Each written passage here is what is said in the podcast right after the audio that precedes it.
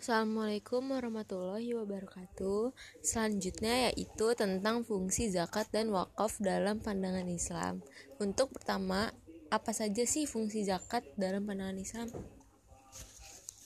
Oke, baik. Terima kasih pada Sita. Uh, untuk fungsi-fungsi zakat, uh, yang pertama, untuk pengertiannya zakat itu ada kan adalah satu dari lima rukun Islam, yaitu mengucapkan dua kalimat syahadat mengerjakan sholat, lalu mengeluarkan zakat. Nah, sel selanjutnya ada puasa pada bulan Ramadan dan naik haji bagi yang sanggup. Sebagaimana dinyatakan dalam hadis riwayat Bukhari Muslim. Nah, sebagai rukun yang berarti tiang, zakat memiliki peran penting bagi tegaknya bangunan Islam. Karena rukun adalah penyangga penting bangunan Islam. Zakat dijadikan sebagai tiang penyangga bangunan Islam memiliki beberapa peran sebagai berikut yang pertama nih. Yang pertama itu untuk membersihkan yaitu membersih yaitu membersihkan harta yang dizakati dan diri orang yang berzakat. Sebagaimana Allah berfirman, ambillah zakat dari harta mereka guna memberikan dan mensucikan mereka. Membersihkan harta yang dizakati dari syubhat yang sangat mungkin uh, saat perolehnya hilangnya syubhat menjadikan menjadikan uh, bersih sebagai suatu harta yang utuh milik si pemberi zakat. Zakat sebagai pembersih orang yang mengeluarkan zakat dari sifat-sifat yang kurang baik seperti kemunafikan dan kejorokan. Nah, yang kedua itu mengembangkan atau menumbuhkan, yaitu mengembangkan dan menumbuhkan harta yang dizakati sehingga tumbuh tumbuh berkembang. Banyak pengalaman para ekonom dan pengusaha dengan keaktifannya berzakat usahanya lancar terus sehingga asetnya juga terus bertambah. Baginya hal ini berkaitan dengan fungsi mengembangkan dari zakat tersebut. Nah, yang ketiga yaitu uh, penghantar ibadah Ramadan, khususnya uh, zakat fitrah. Nah, fungsinya ialah sebagai penghantar ibadah selama Ramadan. Ibadah selama Ramadan akan tergantung di antara langit dan bumi dan zakat fitrah lah yang akan menghantarkan menghantarkan sehingga sampai kepada sasaran. Nah, yang keempat itu uh, ada meningkatkan rasa solidaritas antara kaya dan si miskin. Pemberian zakat oleh orang kaya kepada kaum miskin merupakan bukti kepedulian sosial atas persoalan yang dihadapi kaum miskin. Sebagai ucapan terima kasihnya, uh, kaum miskin akan mendoakan kesehatan dan kelancaran usaha kaum kaya yang berujung pada relasi sosial yang semakin terikat.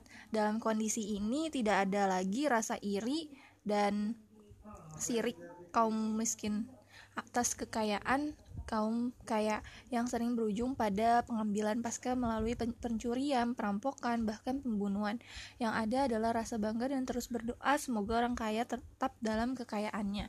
Dengan suasana yang begini, tentu relasi kaum miskin dan kaya semangat semakin menguat. Nah, uh, lalu ada uh, bisa mengurangi kemiskinan. Zakat itu dapat mengurangi kemiskinan, terutama kemiskinan sebagai dari uh, ketiadaan modal usaha, bukan kemiskinan budaya, tapi dengan adanya modal tersebut sang penerimaan modal melalui zakat akan dapat menggerakkan bisnisnya sehingga tahun berikutnya tidak lagi sebagai mustahak atau penerima zakat tetapi sudah beralih menjadi yang mengeluarkan zakat karena usahanya yang sukses. Nah, ini uh, bisa masuk dalam pandangan ekonomi Islam. Nah, yang keenam itu mengurangi uh, pelanggaran kejahatan sosial. Faktor penting terjadinya kejahatan sosial ialah karena soal yang pasti persoalan ekonomi, orang mencuri, merampok, atau bahkan menjual diri karena tuntutan ekonomi yang harus diselesaikan. Nah, melalui pemberian zakat ini akan terpen, ter, apa, terpenuhi kebutuhan ekonominya, sehingga terjadinya kejahatan sosial menjadi sirna adanya. Nah, dengan gambaran seperti itu jelas bahwa zakat itu memiliki fungsi penting dalam masyarakat sebagai penyangga penting bangunan Islam. Sebagai penyangga tanpa dukungannya bangunan Islam akan goyah atau bahkan akan runtuh. Nah, mungkin itu aja untuk uh, tentang fungsi zakat dalam uh, pandangan ekonomi Islam. Oh gitu. Lalu untuk fungsi wakaf tersendiri itu bagaimana sih fungsinya? Oke baik untuk uh, fungsi wakaf tersendiri, nah yang pertama itu kan pengertiannya wakaf nih. Wakaf itu adalah kan e, ibadah dalam Islam yang memiliki dua dimensi yaitu dimensi e, ubudiyah dan dimensi ijtimiyah. Dimensi ubudiyah wakaf adalah sebagai sarana ibadah untuk mendekatkan diri kepada Allah. Sementara dimensi ijtimiyah adalah wakaf sebagai bentuk tanggung jawab dan kepedulian sosial kita terhadap orang lain, baik secara individu maupun masyarakat. Syariat wakaf telah ada sejak munculnya Islam, terutama ketika Nabi dan para sahabatnya berhijrah ke Madinah. Tercatat bahwa Nabi Muhammad SAW adalah orang yang pertama mewakafkan kebun kurmanya, dilanjutkan oleh Umar bin Khattab yang mewakafkan tanah di Khaybar serta sahabat Nabi lainnya. Nah, wakaf telah disyariatkan uh, dan telah dipraktikkan oleh umat Islam seluruh dunia sejak zaman Nabi Muhammad SAW sampai sekarang termasuk oleh masyarakat Islam di negara Indonesia.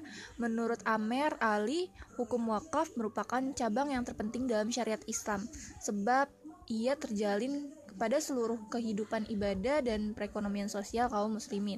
Kajian wakaf sebagai peranata sosial merujuk pada tiga korpus, yaitu yang pertama, wakaf sebagai lembaga keagamaan yang sumber datanya meliputi Quran, Sunnah, dan ijtihad. Lalu wakaf sebagai lembaga yang diatur oleh negara yang merujuk pada peraturan undang-undang yang berlaku di negara itu. Lalu wakaf juga sebagai lembaga kemasyarakatan atau suatu lembaga yang hidup di masyarakat berarti mengkaji wakaf dengan tinjauan sosial yang meliputi fakta dan data yang ada dalam masyarakat. Pada tulisan yang sederhana ini, penulis akan mencoba memaparkan wakaf sebagai lembaga yang diatur oleh negara yang merujuk pada peraturan perundang-undangan yang berlaku di negara Indonesia.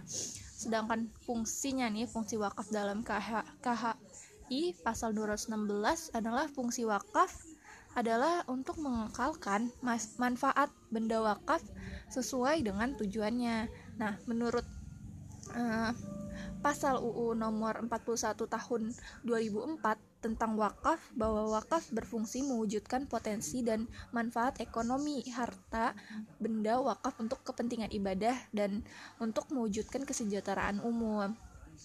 Nah, jadi fungsi wakaf menurut KHI pasal 216 dan pasal UU nomor nomor 41 tahun 2004 tentang wakaf dimaksudkan dengan adanya wakaf terciptanya sarana dan prasarana bagi kepentingan umum sehingga terwujudnya kesejahteraan bersama baik dalam hal ibadah ataupun dalam hal muamalah.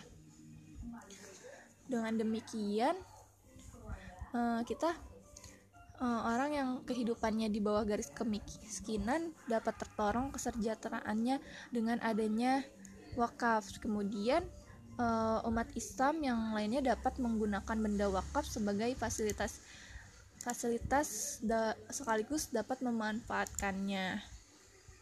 Nah, jadi dari pembahasan yang kita tadi tentang fungsi wakaf itu sendiri itu dapat kita ambil kesimpulan bahwa wakaf adalah suatu perbuatan hukum dari seseorang yang dengan sengaja memisahkan atau mengeluarkan harta dari seseorang yang dengan sengaja untuk digunakan manfaatnya bagi keperluan di jalan Allah atau di jalan kebaikan. Adapun tujuan wakaf adalah bahwa wakaf memiliki fungsi sosial. Allah memberikan manusia kemampuan dan karakter yang beraneka ragam. Sedangkan tujuan khususnya adalah sebagai pengkader pengkaderan regenerasi dan pengembangan sumber daya manusia. Nah, jadi fungsi wakaf adalah mengekalkan manfaat benda wakaf sesuai dengan tujuannya, yaitu mewujudkan potensi dan manfaat ekonomi harta benda wakaf dan untuk kepentingan ibadah dan untuk mewujudkan kesejahteraan umum. Mungkin itu saja tentang uh, fungsi wakaf dan zakat dalam pandangan Islam.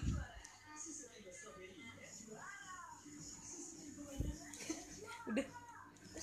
Terus, lagi?